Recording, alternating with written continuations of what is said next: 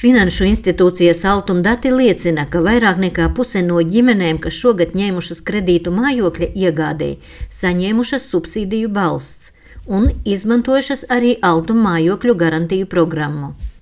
Kā uzsver altuma privātpersonu garantiju daļas vadītājs Andris Veismanis, abi valsts atbalsta veidi palīdz ģimenēm tikt pie sava mājokļa un veicina finansējuma ieplūšanu ekonomikā un mājokļu kredītu pieejamību kopumā. Valsts subsīdija ir vienreizējs naudas līdzekļu dāvinājums daudzbērnu ģimenēm vai ģimenēm, kurās aug divi bērni un tiek gaidīts trešais, lai pilnībā vai daļēji sektu bankas aizdevumu pirmo iemaksu. Subsīdijas apjoms ir atkarīgs no bērnu skaita. Uz subsīdiju saņemšanu var pretendēt viens no bērnu vecākiem. Ministrs kabineta noteikumi nosaka, ka subsīdiju var saņemt, ja izvēlētā nekustamo īpašumu vērtība nav lielāka par 250 tūkstošiem eiro, un ienākumi uz vienu ģimenes locekli ir līdz 17,000 eiro gadā pirms nodokļu nomaksas.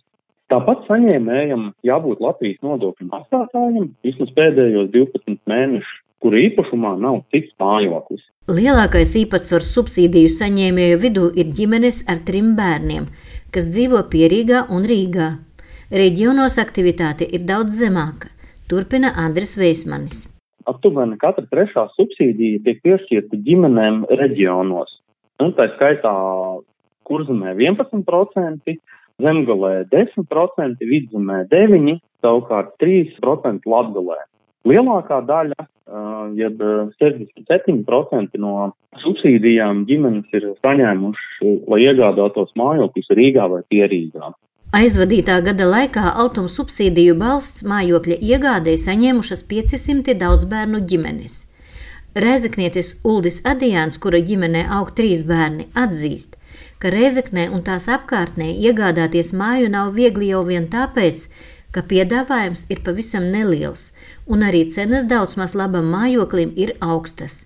Tāpēc pieejamais valsts atbalsts bijis tieši laikā. Par cik mums ir daudz bērnu ģimene, bijām nolēmuši jau laiciņu atpakaļ iegādāties lielāko nekustamo īpašumu un e, tika noskatīta māja jau, un, teiksim, nu, zinājām par to programmu valsts atbalstu daudz bērnu ģimenēm altums, e, jā, un tātad, nu, izmantojām to iespēju, protams, atbalsts ir noderīgs visām jaunām ģimenēm. No 500 ģimenēm, kas saņēmušas atbalstu, vien 3% ir no Latgales.